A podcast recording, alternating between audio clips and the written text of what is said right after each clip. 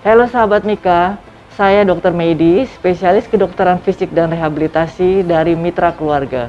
Pada kesempatan ini, saya akan membahas pertumbuhan dan perkembangan kaki pada anak. Berikut ini gejala-gejala yang harus diketahui untuk mencegah gangguan pada pertumbuhan perkembangan kaki pada anak. Pergelangan kaki yang kemiringan atau posisinya tidak wajar, sering kram kaki, berjalan pincang, sering merasa nyeri di kaki, kesulitan saat belajar berjalan, hilang ketertarikan untuk melakukan aktivitas fisik atau bermain. Ini beberapa masalah kaki anak yang paling sering ditemui. Kaki O sering dikenal atau disebut bow legs, kaki sering dikenal atau disebut knock knees, dan yang terakhir adalah kaki datar yang dikenal atau disebut flat feet. Sahabat Mika, jika memiliki gejala tersebut pada si kecil, Anda bisa langsung untuk datang ke mitra keluarga.